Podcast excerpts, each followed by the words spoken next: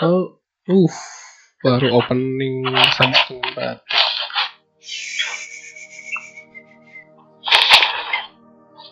Ntar ya agak-agak agak rusuh. Halo semuanya, selamat malam. Selamat datang kembali di Bio Talk segmen teman tidur dan ini benar-benar nemenin orang tidur di segmen teleponan dan aku pengen bikin podcast juga dan sebelum ke tema cerita yang ingin aku bahas tuh aku pengen cerita dikit tentang kejadian yang terjadi di hari ini. Jadi oh ya sebelumnya ini direkam pada tanggal 22 Agustus 2022 bagus tuh angkanya mah 228 22 gitu. 2 tambah 2 4 22 4 2022 4 diambil 22 belakang. 4 tambah 48 nih bagus nih angka cantik nih. Gak ada gitu yang mau tidur heh. Tidur malah bangun. Iya tuh bagus tuh angkanya tuh. Gak mau. Hmm?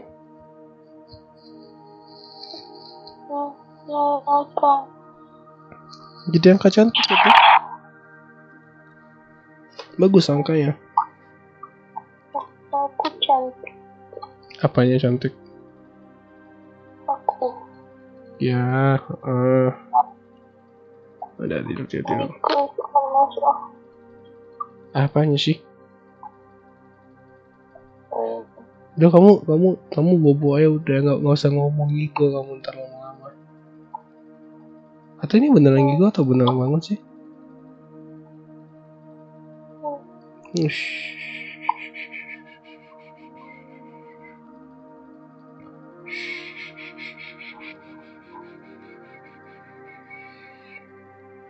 Oke jadi hari ini tuh dari tadi pagi bener-bener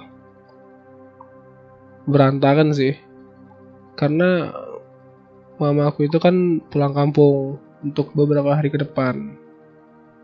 Dan di rumah itu nggak ada lauk dan ya tahu sendirilah ketika hanya tinggal tiga orang cowok dan ti- tidak ada yang bisa masak seperti seorang mamah tercinta ya udah masak seadanya ala ala karte gitu. Jadi beli telur sepapan habis itu tadi aku bikin telur dadar buat makan sarapan sama makan siang. Bro itu bener-bener yang apa ya? Bener-bener yang chaos loh. Hari pertama ditinggal mama tuh kayak kerasa banget. Gak ada sayur gak ada sarapan. Papa pagi itu bangun gak ada kopi atau teh di meja gitu. Udah bener-bener yang kosong. Meja meja makan tuh kosong gitu terus sarapannya yaudah sarapannya itu kayak kapan bangun siapa yang mau masak udah gitu. Dan itu tuh cuma bertahan apa yang makan siang karena eh, habis siang itu mak papa pergi dan aku ke rumah abang waktu itu. Terus juga ke rumah abang kayak bantu-bantu segala macam makan malam di sana pulang di tengah perjalanan hujan sebenarnya disu- disuruh balik sih. Kayak yakin gak mau nginep aja gitu kan. Karena ketika aku berangkat gak lama di sana hujan. Tapi di tempat aku lagi motoran itu nggak hujan. Jadi aku pikir ah paling dekat nih apa paling masih jauhnya ini aku bilang gitu. Ini ada motor ngebut-ngebut gitu kan kejar-kejaran sama hujan terus akhirnya kehujanan juga. Zi suaranya feedback udah halo? Nah terus eh, suara apa? Suaranya kan? Kehujanan. Ambil mantel hujan neduh bentar. Ketika agak reda jalan-jalan kamu bumbunya masak ya? Jangan ditimpa handphonenya. Dah lanjut. Jadi habis itu em, lucunya gini. Udah hitungannya berapa ya? 3 per 5 perjalanan gitu menuju 4 per 5 perjalanan itu reda benar-benar kering. Kayak hujannya nggak lewat situ. Padahal di belakang hujan deras gitu kan. Terus habis itu ya udah. Em, lanjut. Ini apa namanya? Masih pakai mantel hujan tuh. Jalan mau motor. Kiri kanan itu orang kering semua cuman aku dong pakai mantel hujan basah-basah gitu kan sampai di dekat perkarangan rumah dekat-dekat komplek kering anjing. Bener-bener gak ada hujan kayak wah dikerjain. Sih udah hujan gitu balik ke rumah. Nah tema hari ini tuh aku pengen ngebahas rumah. Ngomong-ngomong soal rumah asik bridgingnya kasar banget. Ngomong-ngomong soal rumah banyak perdebatan di kalangan anak-anak muda zaman sekarang yang masih mempertanyakan rumah itu apa gitu. Sampai kan ada itu kupikir ke rumah gitu kan. Ternyata KRT nah lanjut jadi kalau dari perspektifku rumah itu menurutku adalah tempat di mana kamu bisa merasa nyaman. Nyaman dalam artian ngelepas penat nyaman untuk beristirahat dari segala hiruk pikuk kehidupan nyaman untuk bercerita tentang bagaimana harimu nyaman untuk kamu bisa bersandar gitu. Jadi rumah menurutku adalah kenyamanan terlepas tempat dan dengan siapa gitu kalau kita merujuk kepada kupikir kau rumah aku kan nggak tahu itu lagu atau apa tapi sempat rame kan. Dan kalau itu adalah orang berarti orang tersebut tidak bisa memberikan kenyamanan yang kamu inginkan yang kamu harapkan gitu. Dan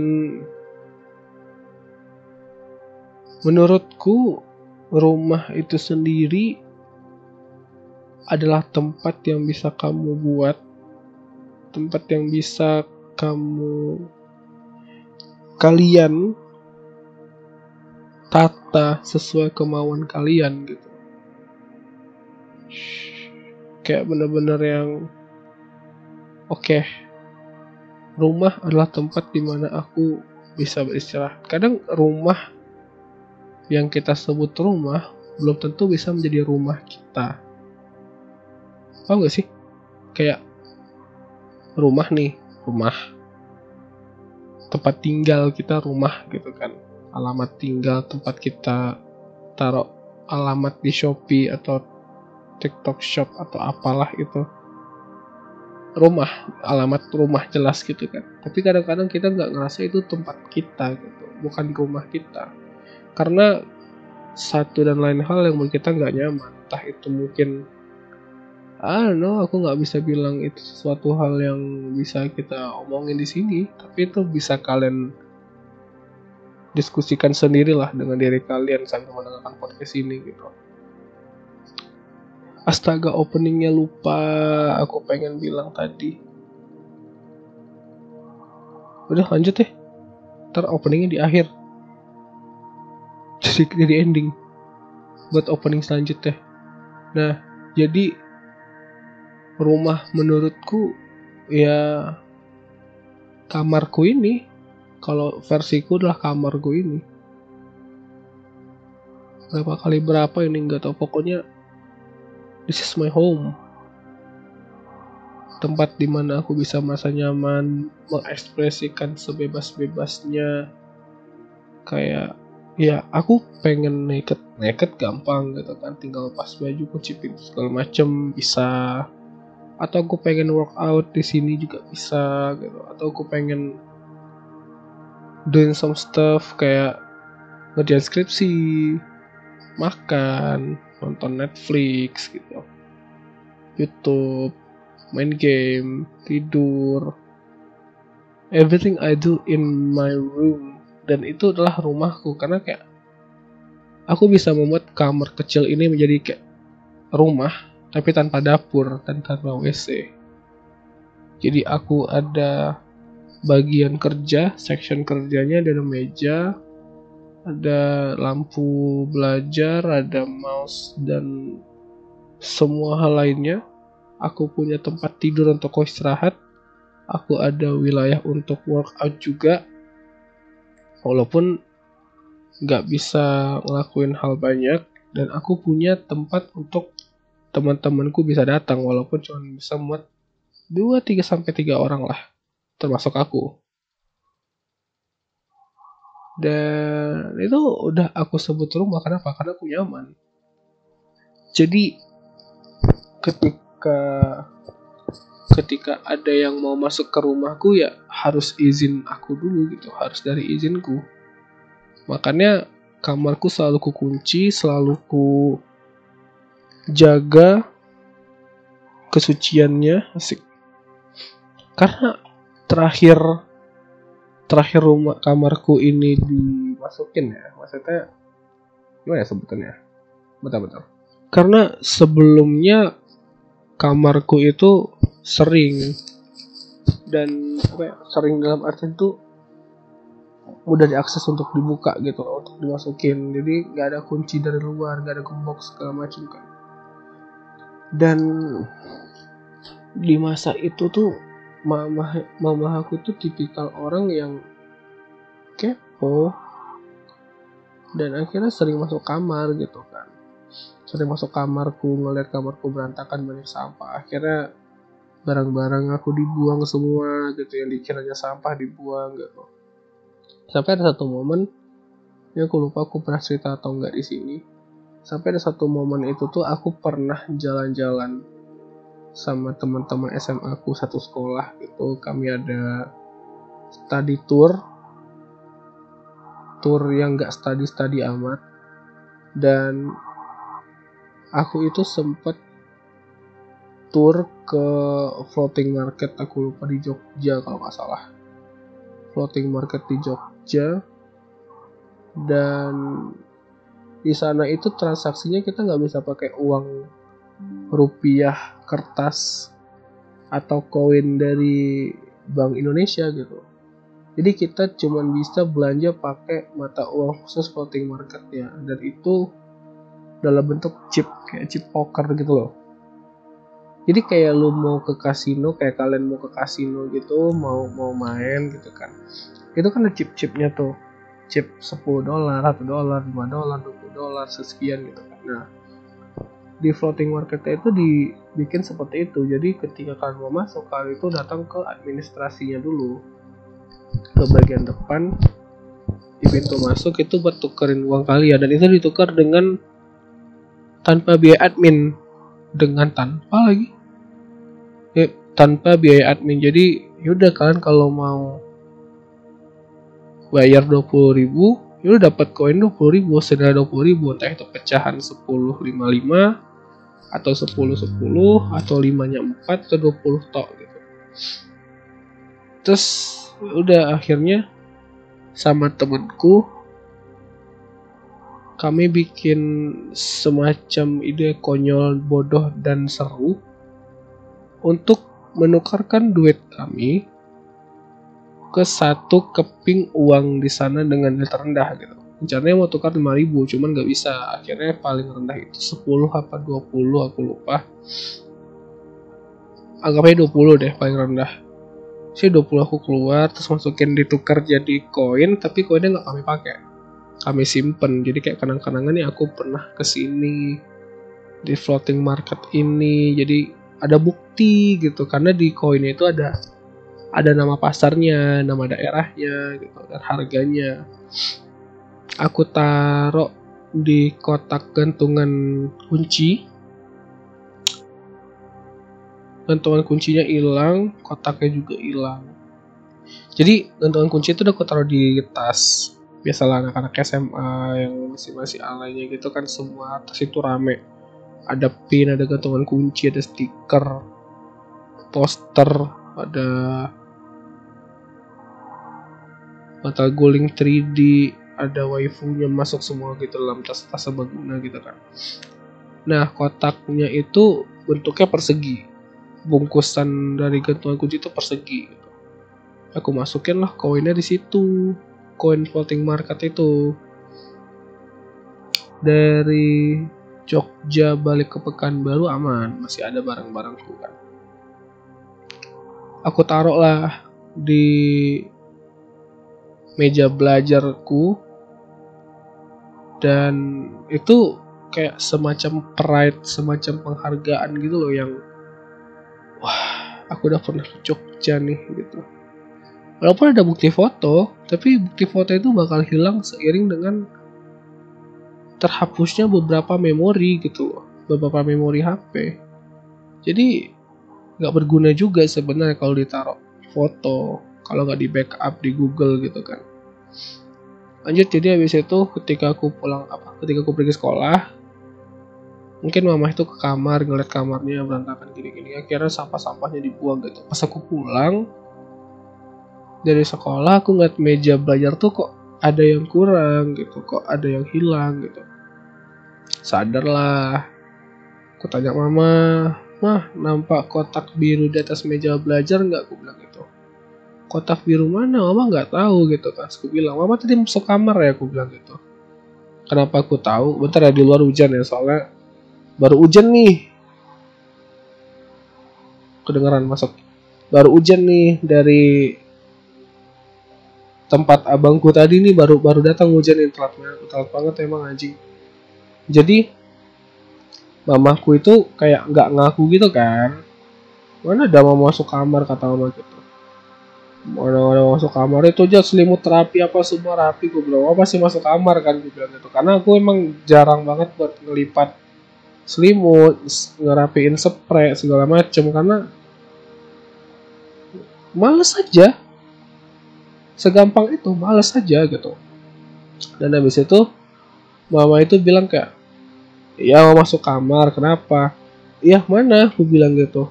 Apanya mana? kata mama kan. Ya itu kotak biru yang di atas meja mama buang ya aku bilang kan. Iya mama buang kenapa? Aduh dua dua puluh ribu kumen hilang. Dua puluh ribu beserta kenangan beserta bukti itu hilang semua di situ gitu loh.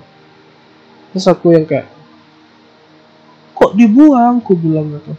Ya mama kira sampah jadi mama buang. Kayak terus aku disalahin gitu loh ya kalau misalnya itu penting kenapa nggak dijaga? Kenapa nggak di ditaruh di tempat lain gitu kata mama. Loh kok jadi aku yang salah dalam hatiku gitu kan habis itu udah uh, aku bilang sama mama udah uh, gak usah masuk kamar lagi lah aku bilang gitu. Maksudnya aku udah SMA aku butuh privacy juga gitu kan lagipun aku sengaja ngambil kamar di atas buat menghindari inspeksi-inspeksi mendadak kayak gini gitu. Ternyata tidak berhasil gitu. Gagal, tetap disidak. Dan ya akhirnya mama itu ngakunya besok-besokannya hari-hari ke depannya mama tuh ngaku nggak pernah ke kamar. Tapi aku yakin mama pernah ke kamar gitu ngecek kamar segala macem kan.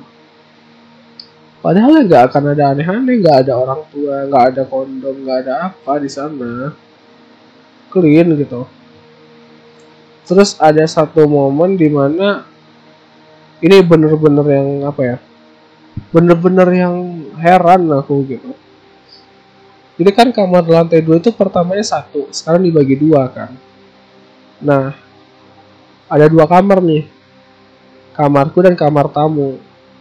Posisinya dari tangga menuju lantai dua kamarku dulu baru kamar tamu gitu.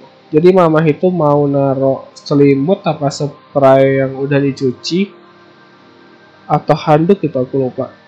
Jadi dari sana naik tek tek tek tek tek tek pintu kamarku kebuka dikit. Kebuka dikit aja. Nggak banyak banyak lebar gitu. Terus mama yang kepo hidupin lampu kamar cetek. Nampaklah di situ baju kotorku tas selimut bantal laptop apa semua berantakan gitu kan. Terus mama tuh yang kayak matiin lampu tutup pintu habis itu taruh selimut atau spray. Terus turun temuin aku terus kayak bersihin lah tuh kamarnya berantakan kali sakit kepala mama liatnya. Aku langsung kesel dong kayak ya ngapain? Mama ke kamar gue bilang gitu kan. Udah tahu kamar anaknya berantakan ngapain ke kamar gue bilang gitu. Terus mama yang kayak nyaman kayak gitu. Itu itu peng- pengalihan topik yang paling licin tuh kayak nyaman kayak gitu kamar berantakan gitu. Terus aku yang masih kesel gitu. Nyaman emang kenapa? gue bilang kan siapa sih yang ditiru? Kenapa sih kayak gitu kamarnya? Terus gue bilang toh sengaja aku lupa aku sensor namaku. Blablabla. tit sengaja ngambil kamar di atas biar mama tuh nggak ke atas ku bilang gitu. Biar mama tuh nggak pusing ngeliatnya gitu. Sama aku diam. Ah udahlah dibilangin malah ngelawan. Loh.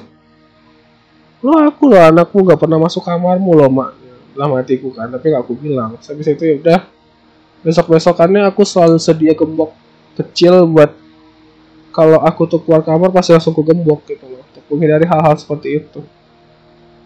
Udah susah bro. Kalau udah kepo udah udah penasaran tingkat tinggi itu mau mau dilarang pun kalau ada celahnya pasti bakal dilihat untuk memenuhi hasrat keponya itu dan akhirnya yang bikin aku kesel adalah rumahku itu di dalam artian dalam artian dimasukin orang tanpa izin gitu loh. Ini balik balik lagi ke tema rumah ya karena aku tadi baru sadar aku tuh udah ngomong ke mana-mana. Dan akhirnya karena aku ngerasa kamarku adalah rumahku maka harus kulindungin harus ku kasih pelindung gitu kan ku kasih apa bukan bukan security lebih tepatnya kayak rasa aman di dalam kamar gitu kan ataupun di luar kamar gitu. Jadi aku gembok akhirnya. Dan alhamdulillah sampai sekarang mama belum ada lagi sidak-sidak kayak gitu. Dan semoga nggak ada sidak-sidakan mendadak. Kayak wah kacau bro kacau dan ada beberapa orang yang cerita kalau kalau dia tuh bilang kayak masih mencari rumah gitu loh. Dalam artian rumah untuk yang aku bilang tadi untuk istirahat untuk tenang untuk melepas penat gitu. Dan banyak eh dan bukan banyak sih. Beberapa dari mereka tuh bilang tempat nongkrong itu adalah rumah gitu. Atau yang paling aku senengin itu ada satu orang yang bilang kayak ya kamu adalah rumah kata dia gitu. Cila uh dia bilang kayak kalau definisi rumah menurutku adalah ketika kita punya masalah dan kita bisa selesai di situ atau kita cuma sekedar melepas penat setelah seharian kerja sekolah dimarahin orang tua bos guru eh, jahilin teman segala macam dan tempat yang menjadi tempat kita untuk melepas penat itu adalah rumah gitu kan. Dan dia bilang sama aku kayak ya kamu adalah rumahku gitu dalam artian kayak gitu kayak oh that's sweet that's cute. Kayak aku tuh ngerasa akhirnya aku udah berguna untuk orang lain gitu loh. Kehadiranku berguna untuk orang lain dia beneran tidur ya? Oke. Dan senangnya aduh aduh, yang jatuh goblok. Ih tolong ntar nih ribet nih. Ah sakit punggungku lama-lama duduk duduk-duduk setengah gitu. Dan ya seperti yang kalian dapat pahamin rumah itu nggak mesti tempat yang gede nggak mesti mahal nggak mesti di komplek mewah. Tempat sederhana kecil. Apalagi ya? Tidak mesti mesti mewah gitu tidak mesti bling bling gemilang gitu. Yang penting kalian bisa nyaman di sana itu dalam rumah gitu. Karena aku percaya kenyamanan itu bisa diciptakan. Rasa nyaman itu bisa diciptakan. Contoh paling gampang ketika kalian main sosial media seperti TikTok, Facebook, YouTube, Twitter, Tinder, WA, Telegram, Spotify ya atau sih. Ya seperti itulah. Ketika kalian lihat konten yang kalian gak suka kalian bisa blok kalian bisa stop follow this account atau stop suggest me this video or photos gitu kan. Dan itu secara nggak langsung kalian nyiptain bubble kalian di mana kalian bisa merasa nyaman gitu. Apakah salah untuk menciptakan bubble di sosial media? Enggak menurutku enggak karena kalau kita tidak punya bubble untuk kenyamanan kita, kita bakal stres. Contohnya gini, kamu nggak suka, kalian nggak suka, atau ada ada dari kalian nggak suka untuk di TikTok ya, video ini tayang gitu, atau video sejenis ini tayang. Ya kalian bisa membersihkan page FYP kalian itu dengan not interested. Dan habis itu ya udah video-video yang serupa kayak gitu nggak bakal muncul di FYP kalian deh. As simple as that gitu. Dan itu benar-benar membantu banget fitur yang mungkin jarang dipakai orang tapi itu benar-benar membantu banget. Supaya kalian tetap bisa menikmati aplikasi TikTok dengan sangat sangat sangat sangat nyaman gitu loh. Karena kadang-kadang bosan ngelihat video dari orang-orang yang kita pernah follow gitu kan atau yang sedang kita follow. Karena kadang-kadang kita perlu satu dua video penyegar yang dari akun yang nggak kita follow tapi kontennya bagus akhirnya kita likes atau kita save atau kita share ke teman-teman kita atau kita follow bahkan lebih bagus gitu kan. Dan itu semua bakal terjadi kalau kita berani untuk keluar sedikit dari bubble kita untuk nge-follow orang untuk melihat konten-konten baru nge-follow orang-orang baru nge-share hal-hal baru yang dikasih oleh algoritma dari TikTok gitu walaupun ada fitur interest yang membuat kita punya bubble-nya sendiri dan hidup dalam hidup dalam bubble menurutku salah dan benar sih.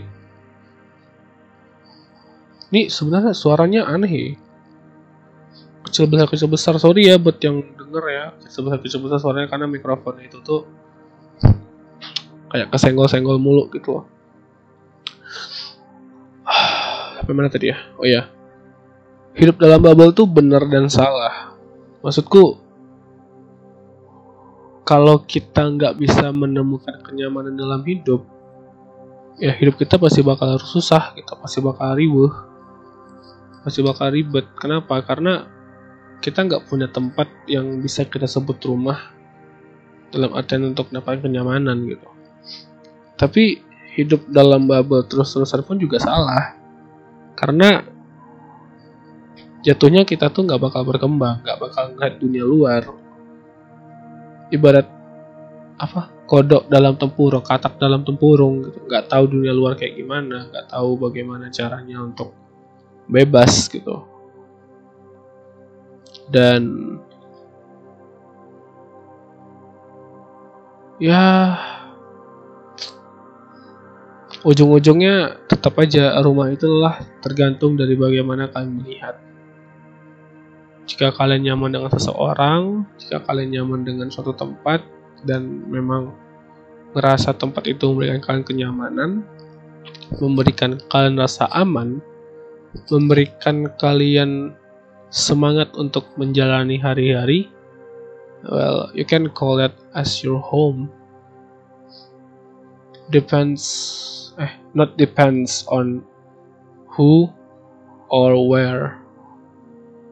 Bener gak sih bahasa Inggris? Ntar ntar koreksi ya. Tidur deh. Ya mungkin sekian aja podcast teman tidur karena temenku udah tidur juga dan aku ngantuk sebenarnya. Cuman aku harus bikin podcast ini karena aku pengen rajin lagi pengen konsisten lagi untuk bikin podcast setiap hari. Dan oh shit mataku udah pedih dari tadi sebenarnya. Untuk ngeliatin laptop itu udah udah udah merem-merem dari tadi.